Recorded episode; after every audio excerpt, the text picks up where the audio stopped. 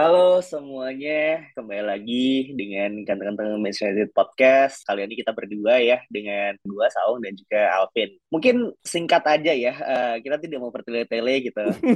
What the fuck is happening, bro? What the fuck is happening to our club? Gua, gua tuh kemarin kan pergi ya. Gua pas sampai rumah, itu gue melewatkan 10 menit pertama. Jadi pas gue nyampe yeah, rumah itu gue baru nyetel video dan pas menit ke 10 itu itu langsung bobol men. itu bahkan kebobolannya aja dengan gol yang sangat sampah ya. Sampah Maksudnya banget. kayak oke okay, kita kemarin minggu lalu kita kalah lawan Brighton kan eh, dua eh, satu gitu. Yang menurut gua mungkin di minggu ini kita sudah bisa menemukan kayak uh, fighting spirit lah at least gitu ya dengan berbagai macam uh, isu yang udah muncul gitu. Menurut gue kayak ini adalah momen yang tepat di mana MU itu seharusnya bangkit gitu. Mm -hmm. Cuman di 20 menit pertama itu De Gea tuh bangke banget bro. Hmm, Maksudnya hmm. gol pertama bahkan gol pertama itu itu kan blunder yang sangat-sangat fatal ya. Maksudnya yeah, kayak yeah. lo lo lo nggak akan melihat hal-hal itu di 19 kiper utama lainnya gitu di Premier League ngerti nggak?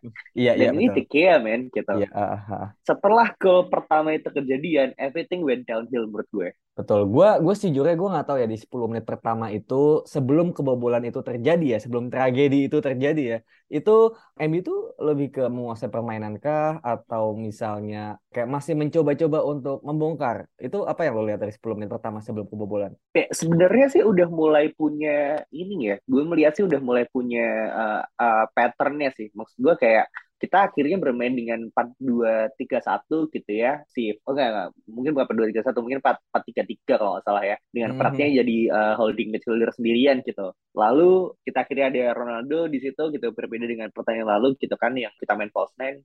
Mm -hmm. Jadinya udah mulai kelihatan tuh permainan-permainan uh, yang kita lihat di pramusim pada saat itu gitu. Cuman memang high pressing dari si Brentford ini memang benar-benar bagus banget main bagus, gitu. Ya. Mm -hmm. Dan ini dan ini memang sebenarnya sebenarnya tuh udah udah diantisipasi sama Ten Hag gitu. Ten Hag bilang uh, we invite them to play high, tapi kita hmm. mainnya long aja gitu. Dan ini yang sama sekali nggak kelihatan waktu pertandingan kemarin gitu. Kayak seolah-olah para pemainnya udah kayak apa ngelempar taktiknya lah gitu. Karena hmm. ya lo lihat tadi gitu bagaimana De Gea dan para pemain belakang ini uh, sama sekali tidak terkutik gitu lawan high press dari Brentford. Hmm betul betul dan juga uh, untuk masalah high pressnya itu ya, yang bikin aneh kan sebenarnya tadi lo bilang Fred ini menjadi holding Cuma di yeah. 10 menit dan 15 menit mungkin di terutama di dua gol pertamanya Brentford itu ternyata Erikson yang lebih kepada holding midfield ya. Dan kalau yeah. kita lihat kan bagaimana Erikson sangat di high press ya sama pemain-pemain Ivan Toni lah atau ada Jensen.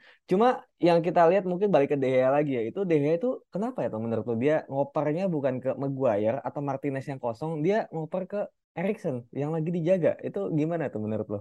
Iya itu itu itu dia gitu. Ini ini seorang kiper yang menurut gue sudah usang ya dalam artian iya dalam artian gak ada gak ada gak ada kiper yang kelemahannya tuh bisa diekspos dalam satu match man dan semuanya kejadian gol gitu. Awarenessnya terus uh, save-nya gitu kan cara passingnya cara dia ikut dalam uh, kontribusi permainan tuh kayak nol besar menurut gua gitu. Dan De Gea ini udah I think his his time is up sih gitu. Apalagi di match selanjutnya Nottingham Forest main dan Dean Henderson Dean Henderson kan. Yes dan dia save dia penalti lagi. penalti juga. Gila itu kan?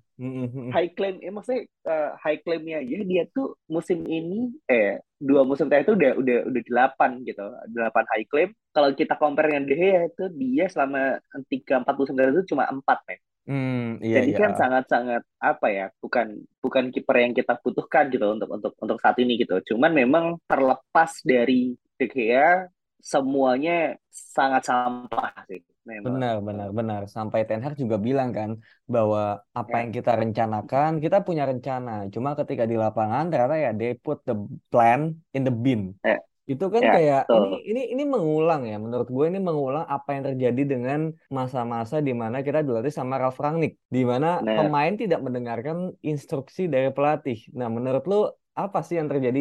Dan oh dan juga tadi kita juga baca ya bahwa ruang ganti ini di hari Kamis kemarin sempat ada cekcok. Gue nggak tahu siapa dengan siapa cuma katanya ada argumen yang terjadi.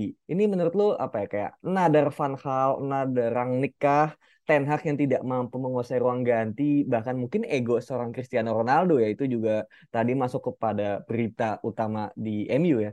Ini gimana nih? Apakah ruang ganti ini juga ternyata bermasalah seperti masa-masa kemarin? Ya sebenarnya banyak hal sih. Maksud gue kayak tadi kan tadi gue juga baca sebenarnya Ten Hag tuh ingin ngedrop si Bruno, Rashford, uh, hmm. Shaw yeah, yeah. McTominay dan juga De Gea gitu uh, limit dari minutes gitu kan termasuk Maguire gitu. Cuman katanya gitu ya ini ini kita masih belum bisa konfirmasi apa ini benar atau enggak gitu ya.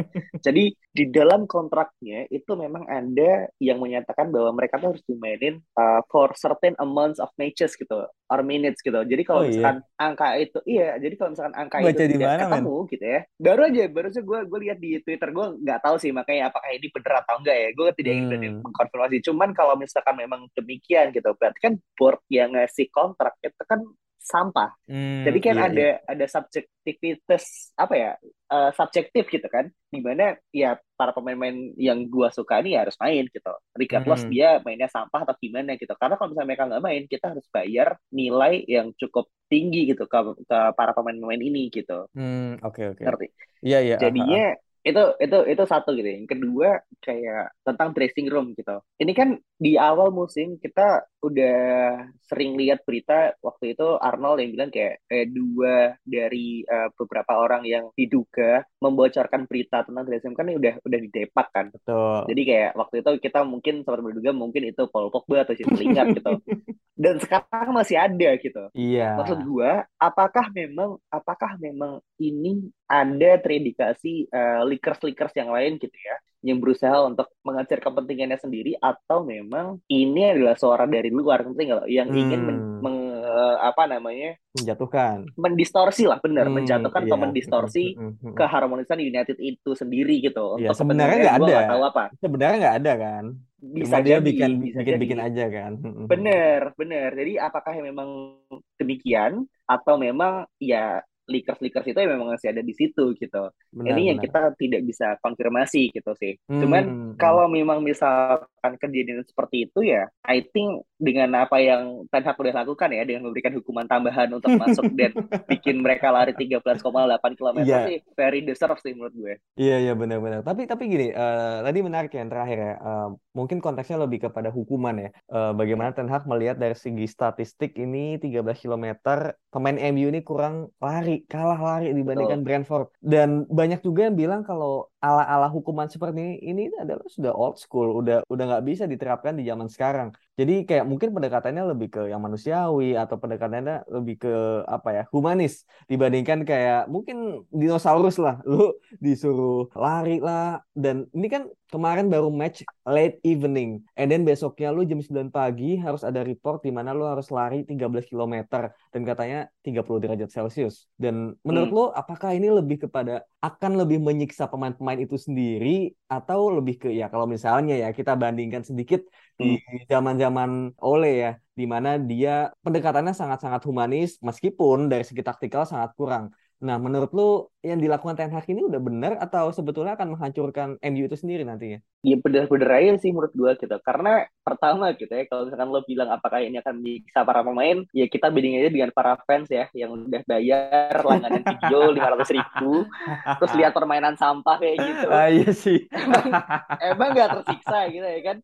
ya kan iya Maksud sih gue, mereka kan iya, iya. mereka kan punya punya apa ya punya itu kan komitmen mereka gitu loh kayak gitu mereka gitu kan setiap harinya emang hmm. seperti itu gitu loh. Tinggal di mansion yang bagus ya main bola yang bener lah gitu. Ngerti gak sih? Iya, iya. kita kan kita kan nonton bola di hiburan semata ya. Kayak kayak sebagai apa ya? Sebagai ibaratnya itu mengalihkan pikiran-pikiran kita lah dari dari kesibukan sama seminggu. Eh gue cari sesuatu lah yang biar kita having fun gitu ya nonton MU gitu. Tapi malah makin bete kan bangke kan? Ngerti nggak lo? Iya. oh, habis itu besoknya hari Seninnya kita masih harus menghadapi bulian-bulian para teman-teman kita gitu kan. Hmm. terlepas dengan hal yang terjadi di United gitu kalau misalkan kita lihat Spurs lah gitu. Gimana sih Spurs tuh sebenarnya gitu? Di musim-musim sebelumnya dia terlihat sangat soft ya menurut gue gitu. Dalam artian kayak belum bisa untuk compete ke level tertinggi gitu. Cuman ketika Conte datang dan bagaimana Conte kan terkasa, terkenal barbar ya latihannya ya. Bahkan hmm, di waktu hmm. preseason kemarin ya banyak yang tumbang gitu kan. itu sampai kemarin lawan Chelsea seru banget kan. Kita kita berdua nonton ya pasti gitu. Hmm, bagaimana sampai mereka berantem sebegitunya karena memang ya mereka punya something to fight for gitu.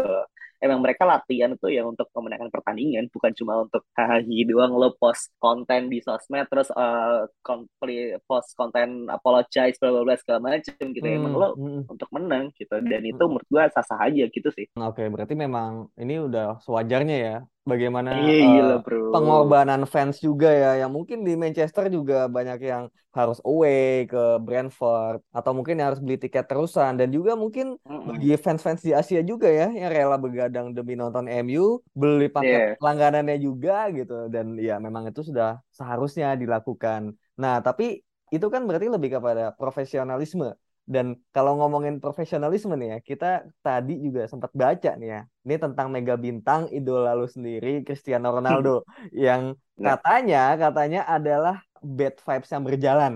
Nah, ini ini gue agak agak agak bingung ya sama berita-berita tentang Cristiano Ronaldo karena uh. mega bintang seperti ini kan pasti banyak hatersnya dan gue nggak tahu gitu uh. sekarang ini apakah berita-berita yang ditujukan kepada dia adalah berita yang benar atau memang hate speech aja dan tadi juga kita sempat baca bahwa ada masa di mana Ronaldo ini sempat sendirian makan di kantin dan tidak bisa bergaul. Ya mungkin banget. Ya. iya kan beritanya gitu kan. Cristiano Ronaldo bro masa lo gak temenin gitu kan? Iya iya yeah. bener maksud gue uh, itu uh, tadi yang yang gue bilang tadi Vin gitu loh. Kayak banyak tekanan dari luar kan nggak tahu gitu. Apakah memang dari media sengaja untuk memainkan ini gitu? Apakah memang kejadiannya memang seperti itu gitu? Yang which is gue rasa sih sangat unlikely gitu ya. Karena ya lo lihat bagaimana para squad itu kita terutama para pemain-pemain muda tuh semuanya mengidolakan lah Ronaldo gitu kayak nggak mungkin banget sih menurut gue. Hmm oke okay, oke okay. tapi tapi gini uh, lo merasa ini nggak kayak misalnya kemarin di pramusim itu kita kayaknya harmonis nih ya ruang ganti harmonis permainan cair tapi somehow ketika Ronaldo ini yang akhirnya datang ya di gue lupa di Norway ya kalau nggak salah ketika lawan Atletico atau lawan uh, Rayo ya. Dia bermain and then sejak saat itu kayaknya ya match lawan Brighton, match lawan Brentford itu kayak vibes itu agak berbeda. Mulai banyak muncul berita bahwa adanya hmm. pertengkaran lah, adanya uh, vibes yang tidak enak di ya, di ya, sana ya, ya. gitu dan dan Ronaldo ini dianggap sebagai orang yang mementingkan egonya sendiri. Dia ingin pergi tapi ditahan dan ditahannya bukan oleh Ten Hag tapi oleh board yang merasa bahwa dia adalah global brand yang mungkin satu-satunya hal yang bisa menyelamatkan di tengah krisis MU saat ini. Itu Gimana lu ngelihat situasi ini? Ronaldo ini masih dikatakan profesional atau kita bisa katakan sebaliknya? Masih profesional sih menurut gue gitu karena dia tetap uh, report latihan gitu ya, dia tetap main gitu starting eleven bahkan dan juga juga dia tidak secara terang-terangan menyatakan bahwa dia ingin pindah gitu dan Ten Hag juga di beberapa kesempatan juga uh, selalu membela dia gitu ya, di depan pers gitu kan. Cuman kalau misalkan kita menahan dia untuk pindah, gue rasa juga ini enggak sepenuhnya benar juga sih karena ya kita tahu sendiri dia udah ditawarin ke klub-klub yang lain dan memang gak ada yang mau kan gitu loh. Maksud gue hmm. kalau misalkan hmm. memang dia memang ingin pindah dan ada penawar yang mau, gue mm -hmm. sih gue rasa sih nggak masalah gitu karena memang Ten Hag kan dia butuh certain players kan untuk mereplikasi apa yang ingin dia mainkan gitu loh. Makanya kita melihat di United ini sangat-sangat struggling gitu dengan mm -hmm. cara permainan dia karena memang pemain yang kita miliki itu tidak tidak punya apa ya uh, capability untuk untuk mereplika permainan uh, Ten Hag gitu benar, dan benar, benar. Ronaldo ini apakah memang dia benar atau mereka dia uh, apa namanya sesuai dengan yang Ten Hag inginkan atau enggak kan kita nggak tahu soalnya gitu.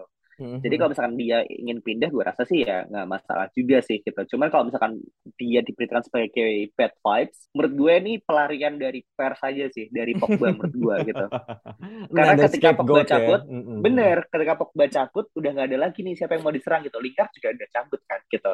Rashford gue rasa uh, PR-nya terlalu bagus ya gitu Bruno iya, juga yeah, bukan tipe yang aneh-aneh gitu jadi ya mm -hmm. Cristiano Ronaldo sih yang akan selalu diserang oleh John Ellis hmm oke okay, oke okay. berarti uh, lu lebih menganggap ini unlikely ya untuk dilakukan oleh Ronaldo dia masih profesional masih bermain ya at least dan masih latihan yes, gitu. Betul. Jadi jadi betul. terlepas terlepas dari dari uh, bukannya apa? iya, bukannya dia udah kabur ke Dubai kayak di Maria juga kan. iya iya benar benar benar. Iya ya masalah profesional emang banyak bisa dilihat dari segala sisi ya dan kayaknya emang di episode ini kita lebih seru ya untuk ngomongin hal di luar lapangan ya. Karena kalau iya, kita bicara sampah. Iya.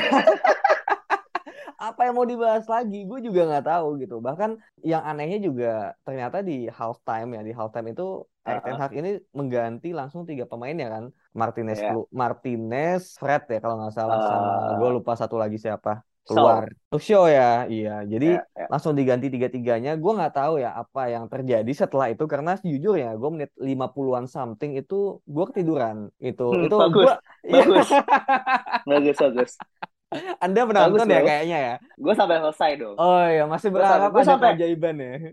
Gak, gue gak berharap ke keajaiban sih. Lebih ke berpikir bahwa ini akan separah apa ya gitu. Kayak hmm. empat hmm. kosong di babak pertama lo dibantai Brentford gitu ya. Lo bahkan tidak punya kesempatan untuk bermain sepak bola lo di Brentford. Itu kan kebangetan banget kan. Ngerti gak lo? Hmm. Jadi kayak gue ingin melihat ini tuh akan jadi separah apa ya gitu. Apa yang akan Ten Hag lakukan gitu. Hmm. Dengan, kita kan sekarang dikasih lima substitution ya. Gue yeah, yakin kalau bisa kasih 11 dia akan ganti semuanya sih menurut gue gitu.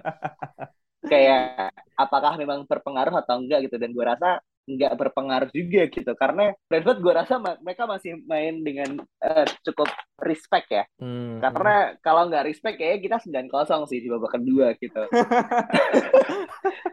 Cuman yang, yang yang jadi catatan adalah oke okay lah kita kebobol 4 gol gitu ya. Ya udah kita ya emang emang defense kita sampah gitu. Cuman kita nggak bisa bikin gol men. Sama hmm. sekali di dua dua match pertama ini gitu. Bahkan gol yang terakhir kan uh, on goal ya. Iya betul. Menur menurut lo kayak ini apa sih sebenarnya yang salah kita dengan dengan attacking yang kita punya gitu?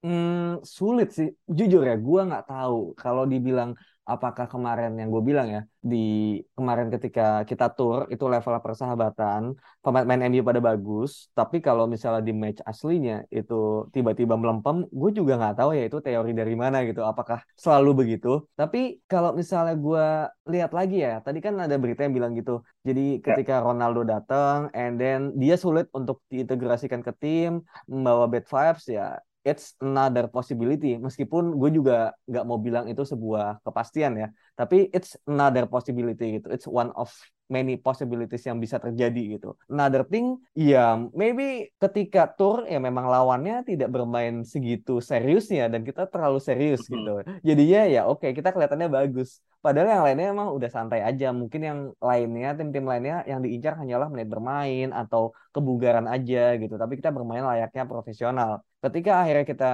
profesional profesional yang sebenarnya nah di situlah akhirnya kita kalah cuma gue yeah. yang gue bingung adalah benar-benar nggak kelihatan sama sekali itu aja gitu itu jujur ya sekelas yeah. mungkin Jadon Sancho lah yang kita lihat sangat eksplosif ya di di, uh -huh. di pramusim sama sekali nggak kelihatan Diogo Dalot juga ternyata ancur-ancuran juga kayak at least yeah. lu bisa memberikan sedikit um, apa ya kayak permainan atau kombinasi yang bagus ini sisi kanan sama sekali nggak jalan itu kan kayak kenapa nih dua match man gitu kayak there's yeah. something wrong other than infield menurut gua gitu gua gue merasa ini another Van Hal ataupun another Rangnick gitu. There's something happen in the dressing room gitu. Bukan lagi sebuah taktik gitu. Cuma ya something happen lah. Jadi yeah, yeah, apa yeah, apa yang terjadi gue nggak tahu gitu. Cuma menurut gue sekarang Ten Hag gimana caranya harus kembali mengembalikan kepercayaan diri pemain, either itu dengan membawa pemain baru kah atau mungkin membuang pemain-pemain yang seharusnya tidak di situ. Ya well kita tahu bahwa itu semua bukan di kendali Ten Hag ya. Semua di tangan Glazer menurut gue gitu. Bahkan yeah kepergian Ronaldo pun itu juga di tangan Glazer.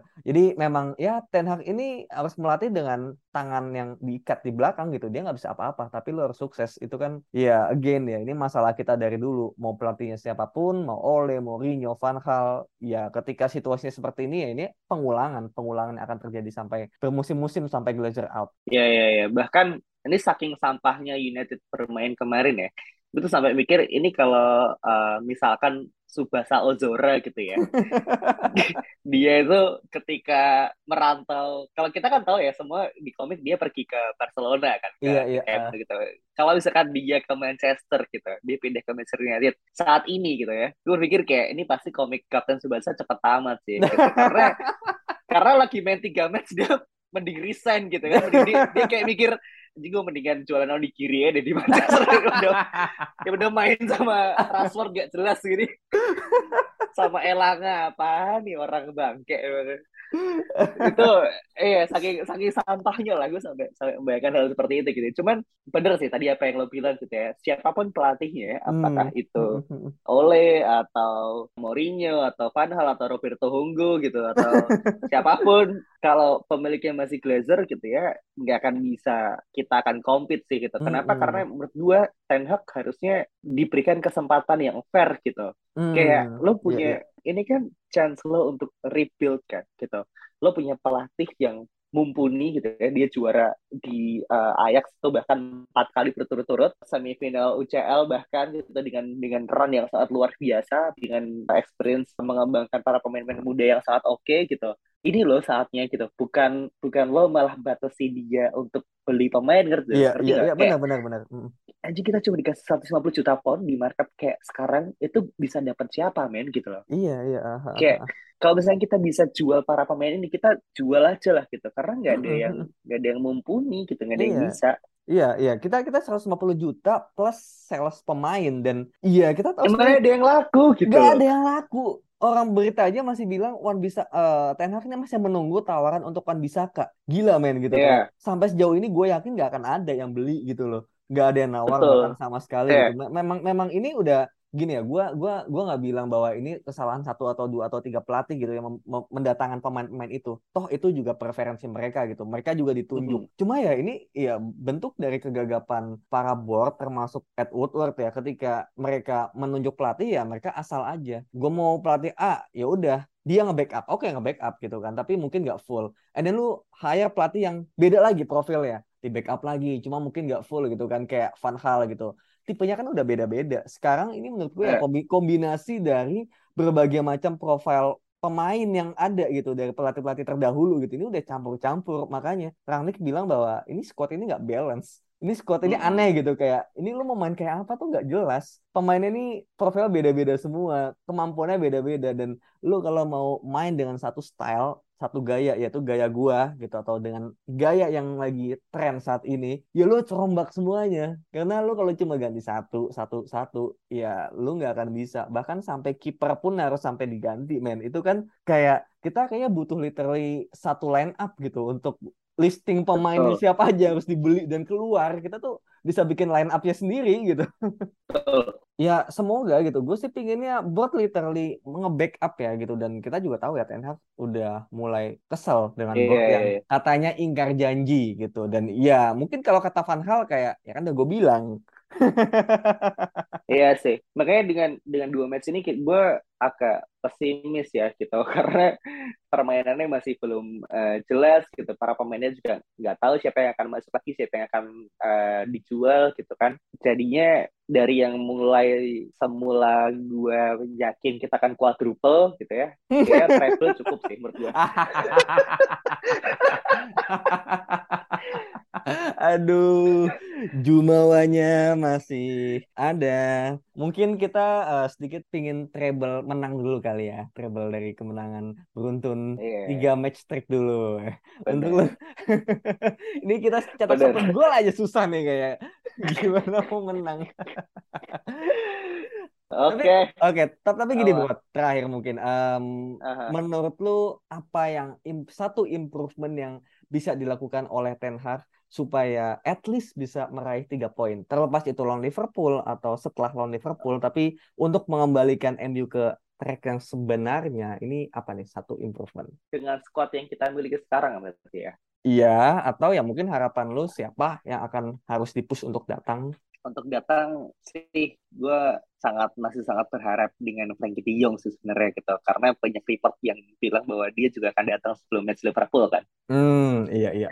Uh, itu tapi satu, ada gitu. tapi ada yang bilang juga kan Apa? kan setelah itu bahwa Frankie De Jong ini offeringnya juga udah expired ya, jadi harus make another bid juga ya. Eh nggak masalah sih menurut gue gitu. Gak masalah Karena ya. memang menurut gue si Barca ini posisinya ngepush De Jong untuk cabut, tapi memang mereka tuh minta United untuk bayar gajinya juga. emang, emang emang rada emang emang emang bangke ini emang si Barcelona kita itu satu sih dan yang kedua menurut gue Martinez nggak cocok menjadi CP sih men. Hmm oke okay. dari satu match DM, ya.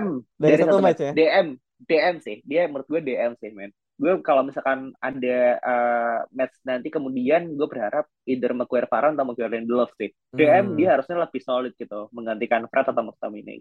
Hmm oke okay, oke okay, oke. Okay. Gue malah pengen lihat Martinez coba di kiri sih nyoba aja gitu karena Malaysia maybe dia terlalu ini ya terlalu uh, gerak uh, terusuk masih masih terlalu inilah dia dia belum belum cukup dewasa lah untuk bermain di sana tapi show juga kita lihat kayaknya udah mulai tidak mampu nih gitu bermain di level udah mulai gak jelas? Iya udah mulai gak jelas.